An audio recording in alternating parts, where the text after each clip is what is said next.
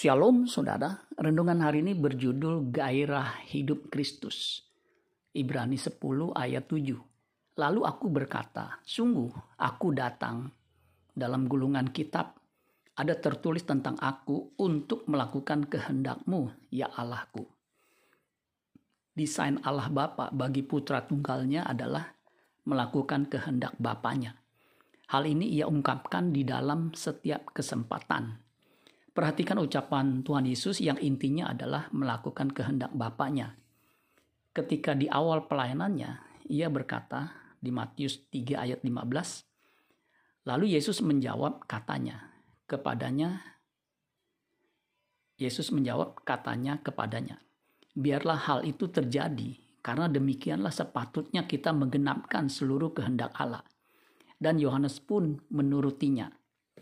Sekali peristiwa, waktu ia bertemu dengan wanita Samaria, ia berkata kepada murid-muridnya, di Yohanes 4 ayat 34, kata Yesus kepada mereka, makananku ialah melakukan kehendak dia yang mengutus aku dan menyelesaikan pekerjaannya.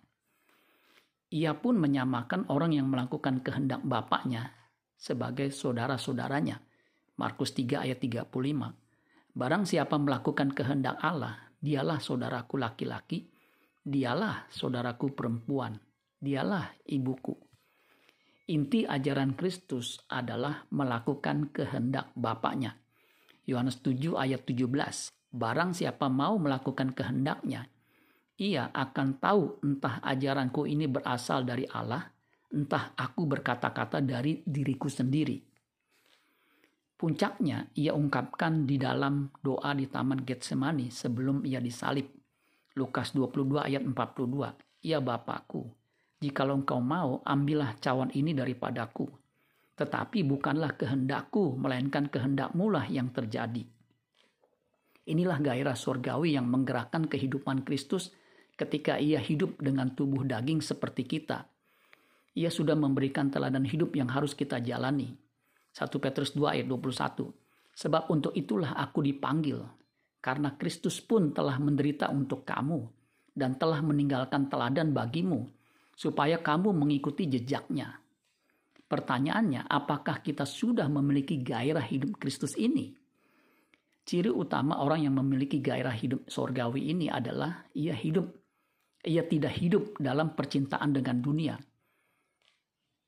Dunia dengan segala kesenangannya menjadi tidak menarik lagi jika Anda masih ingin memiliki lebih banyak materi demi kesenangan diri sendiri, jangan-jangan Anda dikuasai oleh gairah duniawi. Gairah dunia akan membinasakan kita. Matius 7 ayat 21 sampai 23.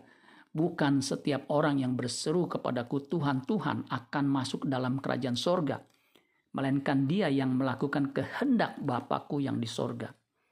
Pada hari terakhir banyak orang akan berseru kepadaku, Tuhan, Tuhan, bukankah kami bernubuat demi namamu dan mengusir setan demi namamu dan mengadakan banyak mujizat demi namamu juga? Pada waktu itulah aku akan berterus terang kepada mereka dan berkata, Aku tidak pernah mengenal kamu, enyahlah daripadaku kamu sekalian pembuat kejahatan. Amin buat firman Tuhan. Tuhan Yesus memberkati. Sola Gracia.